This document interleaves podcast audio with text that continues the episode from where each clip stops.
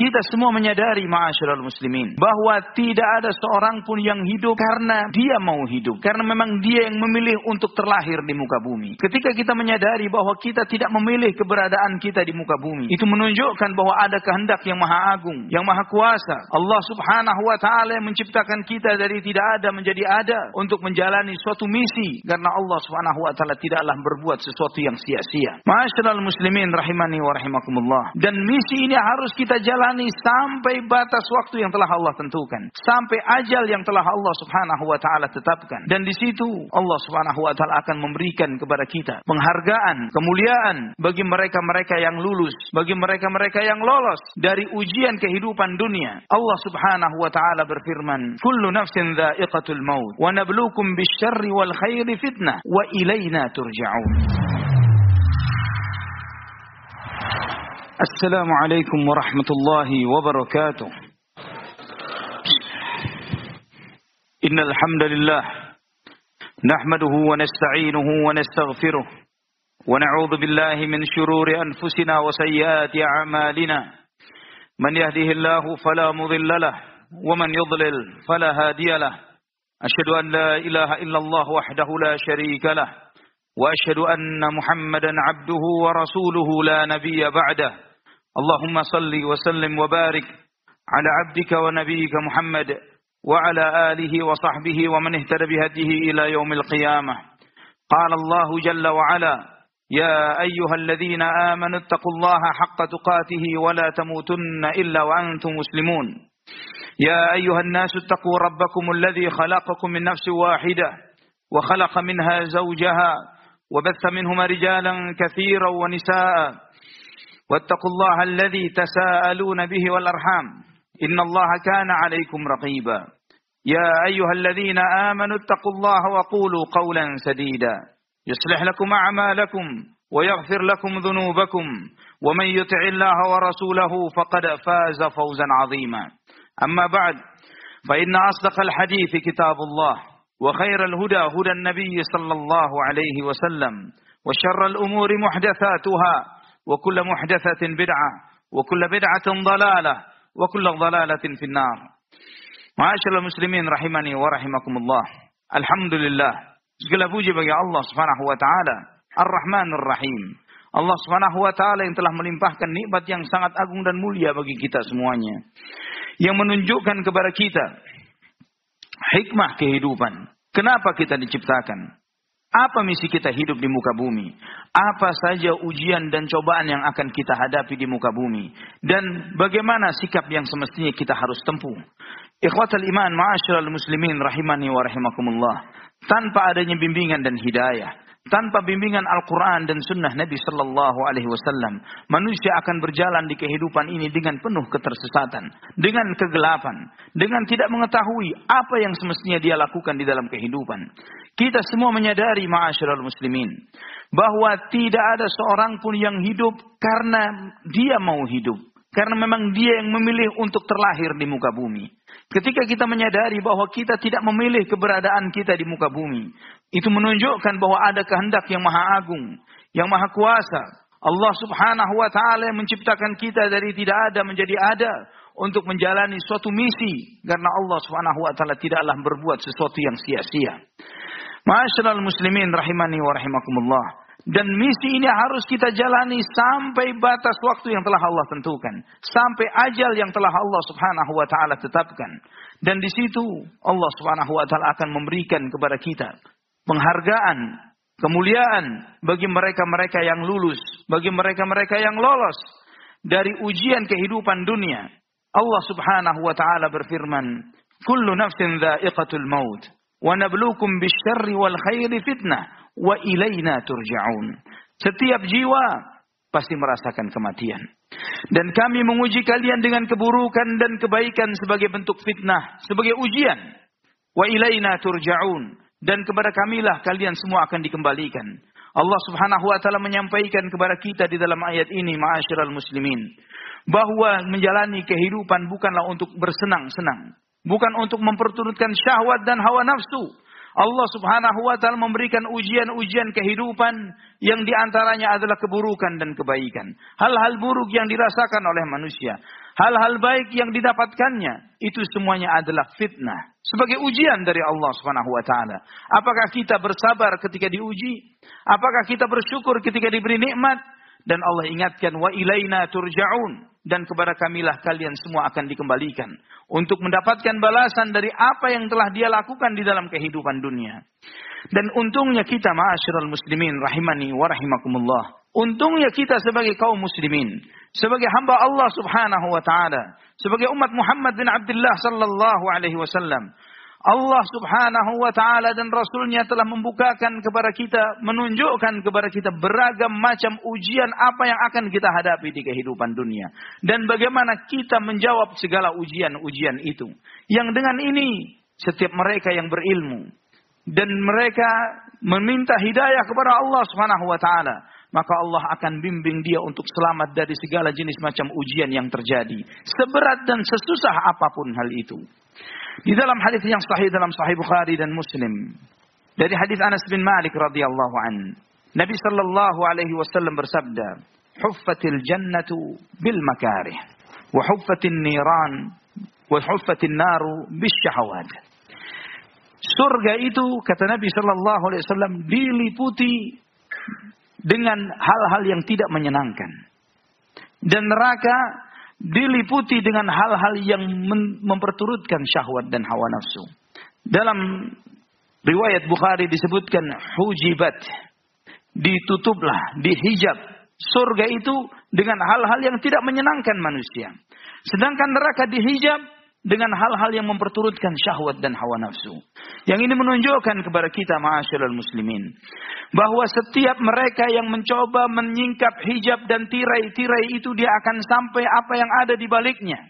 Ketika seseorang bersabar dengan istiqamah dia mencoba membuka hijab-hijab makarih yang tidak menyenangkan hatinya dari menjalankan ketaatan kepada Allah, berusaha untuk istiqamah di sana, sabar di dalam menjalankan perintahnya, menjauhi larangannya dan terhadap segala ujian-ujian hidup, maka dia akan sampai kepada di balik seluruh hijab itu yaitu surga.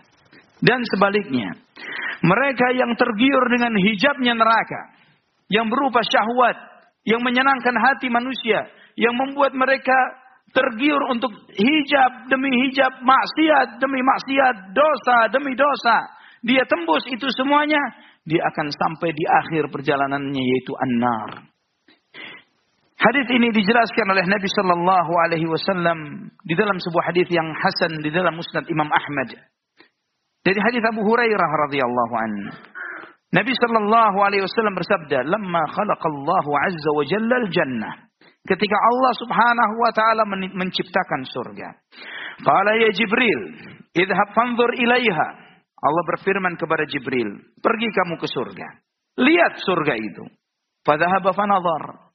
Jibril melihat dan betapa dahsyatnya surga ini, betapa indahnya surga. Maka Jibril mengatakan, "Ya Rabbi wa izzatika la yasma'u biha ahadun illa dakhalaha." Wahai Tuhanku, Tidaklah seorang demi kemuliaanmu, tidaklah seorang pun mendengarkan tentang surga, kecuali dia akan berusaha untuk masuk ke dalamnya. Kemudian Allah menghijab surga itu dengan hal-hal yang tidak menyenangkan. Ketaatan kepada Allah, mengganggang syahwat dan hawa nafsu, menjalankan perintah, menjauhi larangan, dan hal-hal yang tidak merupakan yang bukan merupakan kecenderungan hawa nafsu manusia. Kemudian Fumakal idhab fanzur ilaiha. Sekarang balik kamu ke surga. Lihat surga itu. Fadhahaba fanazar. Jibril melihat bagaimana surga itu dihijab dengan hal-hal yang tidak menyenangkan hati manusia. Berupa ketaatan, meninggalkan maksiat, mengekang syahwat dan hawa nafsu, dan yang lain sebagainya. Maka Jibril mengatakan, Ya Rabbi wa izzatika, laqad khashitu an la yadkhulaha ahadun Wahai Tuhanku demi kemuliaanmu, saya khawatir tidak ada yang bisa masuk surga. Melihat betapa beratnya untuk menembus hijab-hijab di balik itu. Falamma khalaqallahu nar. Ketika Allah menciptakan neraka, Allah berfirman, Ya Jibril, idhab fanzur ilaiha. Lihat ke neraka itu. Fadhahaba fanazar. Dia melihat neraka dan betapa dahsyatnya azab di sana. Maka Jibril pun mengatakan, Ya Rabbi wa izzatika la yasma'u biha ahadun fayadkhuluha. Wahai Tuhanku demi kemuliaanmu. Tidaklah seorang pun mendengar tentang mengerikannya neraka. Kecuali dia pasti tidak ingin masuk ke dalamnya. Fahaffaha syahwat. Maka Allah meliputi menutup neraka itu dengan syahwat. Hal-hal yang menggiurkan keinginan manusia. Segala yang menjadi kecenderungan nafsu manusia. Yang mereka ini kecenderungan manusia memperturutkan syahwat dan hawa nafsunya. Thumma qala ya Jibril, idhab fanzur ilaiha. Jibril, sekarang kamu lihat neraka. Fadhahaba fanazar. Maka Jibril pun jalan dan melihat. Faqala ya Rabbi wa izzatika laqad khashitu an la yabqa ahadun illa dakhalaha. Maka Jibril mengatakan demi kemuliaanmu wahai Tuhanku. Saya khawatir. Tidak ada seorang pun yang tersisa. Semuanya bakal masuk semua ke dalamnya. Ma'asyiral muslimin rahimani wa rahimakumullah. Hadis ini menunjukkan kepada kita bahwa untuk meraih surga tidaklah mudah. Surga ini ditempuh dengan kita harus memperjuangkan hal itu dengan mengekang syahwat dan hawa nafsu kita. Mensabarkan diri kita. Maka banyak sekali kita melihat perintah-perintah Allah adalah sesuatu yang bukan merupakan kecenderungan nafsu. Bagaimana kemudian misalnya Allah memerintahkan untuk jihad fisabilillah, mengorbankan jiwa, mengorbankan harta di jalan Allah Subhanahu wa taala. Yang Allah Allah firmankan kutiba alaikumul qital wa huwa kurhul lakum. Diwajibkan bagi kalian berperang, berjihad, padahal itu tidak menyenangkan hatimu. Kamu tidak suka. Wa asa an takrahu syai'an wa huwa khairul lakum. Wa asa an tuhibbu syai'an wa huwa syarrul lakum. Wallahu ya'lamu wa antum la ta'lamun. Bisa jadi kamu membenci sesuatu padahal itu adalah baik untukmu. Bisa jadi kamu menyukai sesuatu padahal itu adalah buruk untukmu. Dan Allah maha tahu sedangkan kalian tidak mengetahui. Juga kita diperintahkan untuk mengajak kepada kebajikan dan mencegah dari kemunkaran. Mengingat melihat sesuatu yang munkar, kita ingatkan. Mencegah dari sesuatu melihat sesuatu yang haram, kita ingatkan. Mengajak kepada hal-hal yang baik. Yang ketika seseorang itu baik dan berusaha memperbaiki yang lainnya, pasti dia akan mendapatkan banyak cobaan dan ujian. Pasti dia akan mendapatkan cemoohan banyak mendapatkan gunjingan, fitnahan, dan yang lain sebagainya. Ketika seseorang itu baik, yang lain tidak akan pusing. Tapi ketika dia baik dan berusaha memperbaiki, maka di antara wasiat Luqman kepada putranya, Ya Bunayya, aqimus salat. Wa'mur bil ma'ruf wanha 'anil munkar wasbir 'ala ma asabak inna dzalika min azmil umur wahai anakku tegakkan salat ajaklah kepada kebajikan cegahlah dari yang munkar dan sabarlah kamu terhadap apa yang akan menimpa dirimu. Karena itu adalah suatu kewajiban yang besar. Mengorbankan harta di jalan Allah. Bersedekah. Ini sesuatu yang bertentangan dengan kecenderungan hati manusia. Kecenderungan manusia mengumpulkan harta. Kecenderungan manusia menumpuk-numpuk harta. Namun Allah perintahkan dia untuk bersedekah di jalan Allah Subhanahu wa taala. Bertentangan dengan kecenderungan hati dan syahwat manusia. Namun di situlah ada kebaikan. Ma'asyiral muslimin rahimani wa rahimakumullah. Demikian pula dengan neraka. Sebagaimana surga dihijab dengan hal-hal yang bertentangan dengan syahwat dan hawa nafsu dan bahkan sesuatu yang berat. Sebaliknya dengan neraka yang diliputi dengan hal-hal yang menggiurkan dan menyenangkan. Diliputi dengan kecenderungan orang untuk memperturutkan syahwat dan hawa nafsunya. Berzina, minum khamar, judi, riba, dan yang lain sebagainya. Maka Nabi Shallallahu Alaihi Wasallam ingatkan di antara peringatan beliau terhadap mereka yang minum khamar. Man syaribal khamra fid dunya lam yashrabha fil akhirati illa an yatub. Barang siapa yang minum khamar di dunia, dia tidak akan minum khamar di surga kecuali dia bertaubat kepada Allah Subhanahu wa taala. Nabi sallallahu alaihi wasallam mengingatkan juga thalathun harramallahu qad harramallahu tabaraka wa taala alaihimul jannah. Tiga golongan manusia yang Allah haramkan bagi mereka surga. Mudminul khamr. Orang yang pemabuk. Wal'aq. Seorang anak yang durhaka kepada kedua orang tuanya. Wadayyuthul ladhi yuqirru fi ahlihi al-khubth. Dayyuth yaitu orang yang membiarkan kerusakan di dalam rumah tangganya, yang membiarkan istrinya keluar tanpa hijab, dibonceng oleh siapa pun, membiarkan putrinya dijemput laki-laki yang bukan mahramnya, membiarkan kemunkaran terjadi di rumahnya dan dia diam. Allah haramkan surga. Allah haramkan surga. Ikhwatal iman, rahimani wa rahimakumullah. Pernah Nabi SAW mengingatkan tentang salah satu contoh penghuni neraka. Sinfani min ahlin nari lam arahuma dua golongan penghuni neraka yang saya belum pernah lihat. Belum pernah dilihatkan oleh Nabi karena memang belum ada di zaman beliau. Qaumun ma'ahum siyatun ka'adnabil baqariyat ribuna bihan nas. Sekelompok orang yang dengan memiliki cambuk-cambuk seperti ekor-ekor sapi yang dengannya dia memukuli manusia. Kemudian Nabi SAW menyampaikan, wanisaun kasiyatun ariyat. Wanita-wanita yang berpakaian tapi telanjang. Dikatakan berpakaian, auratnya kelihatan di sana sini. Dikatakan telanjang, ada kain yang nempel di tubuhnya. Kasiatun ariyat, ma'ilatun mumilat.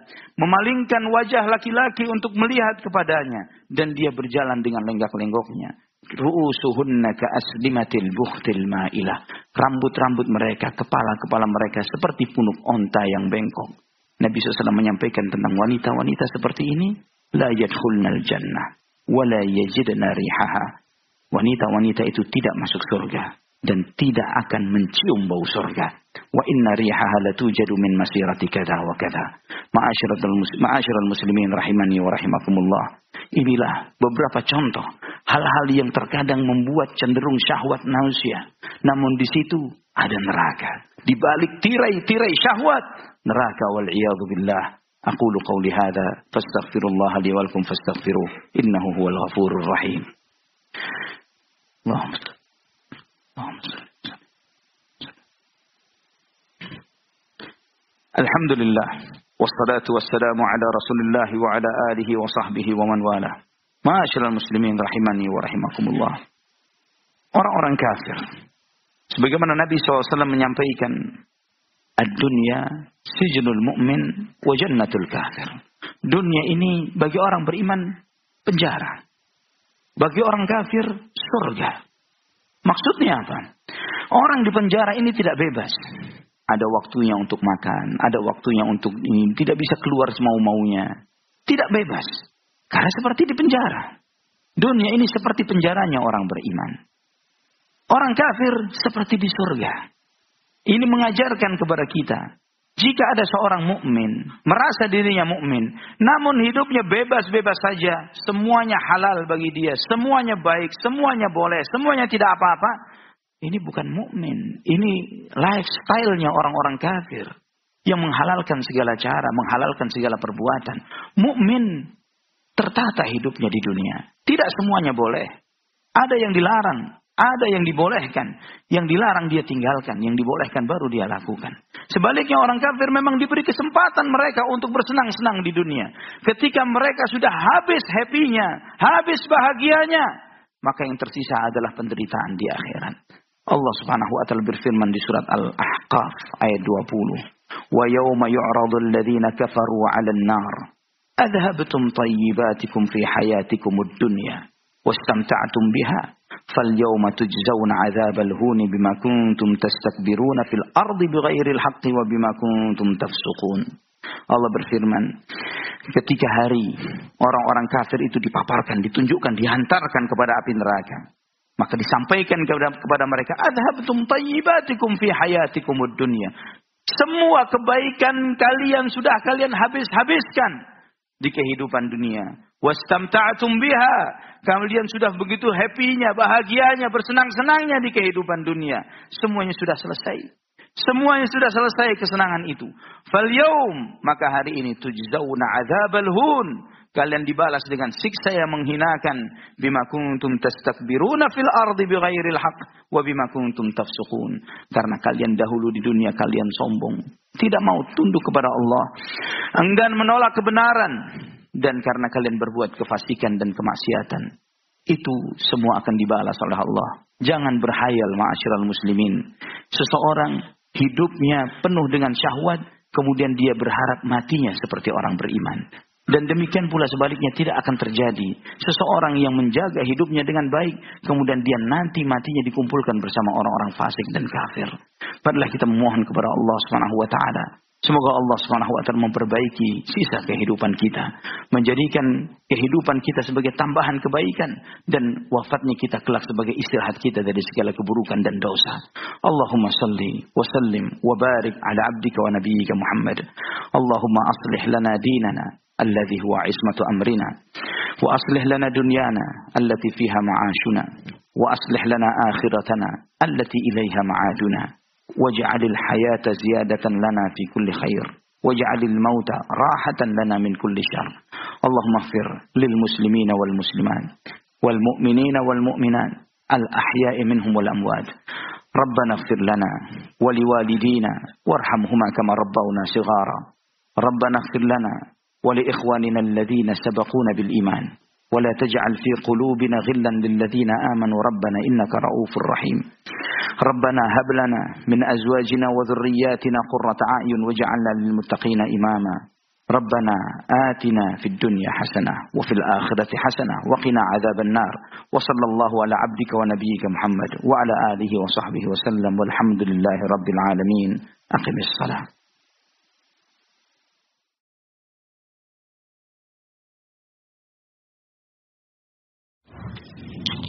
Jazakumullah khairan barakallahu fikum. Video ini dibuat atas partisipasi dari donasi Anda. Semoga menjadi amal jariah bagi Anda semuanya.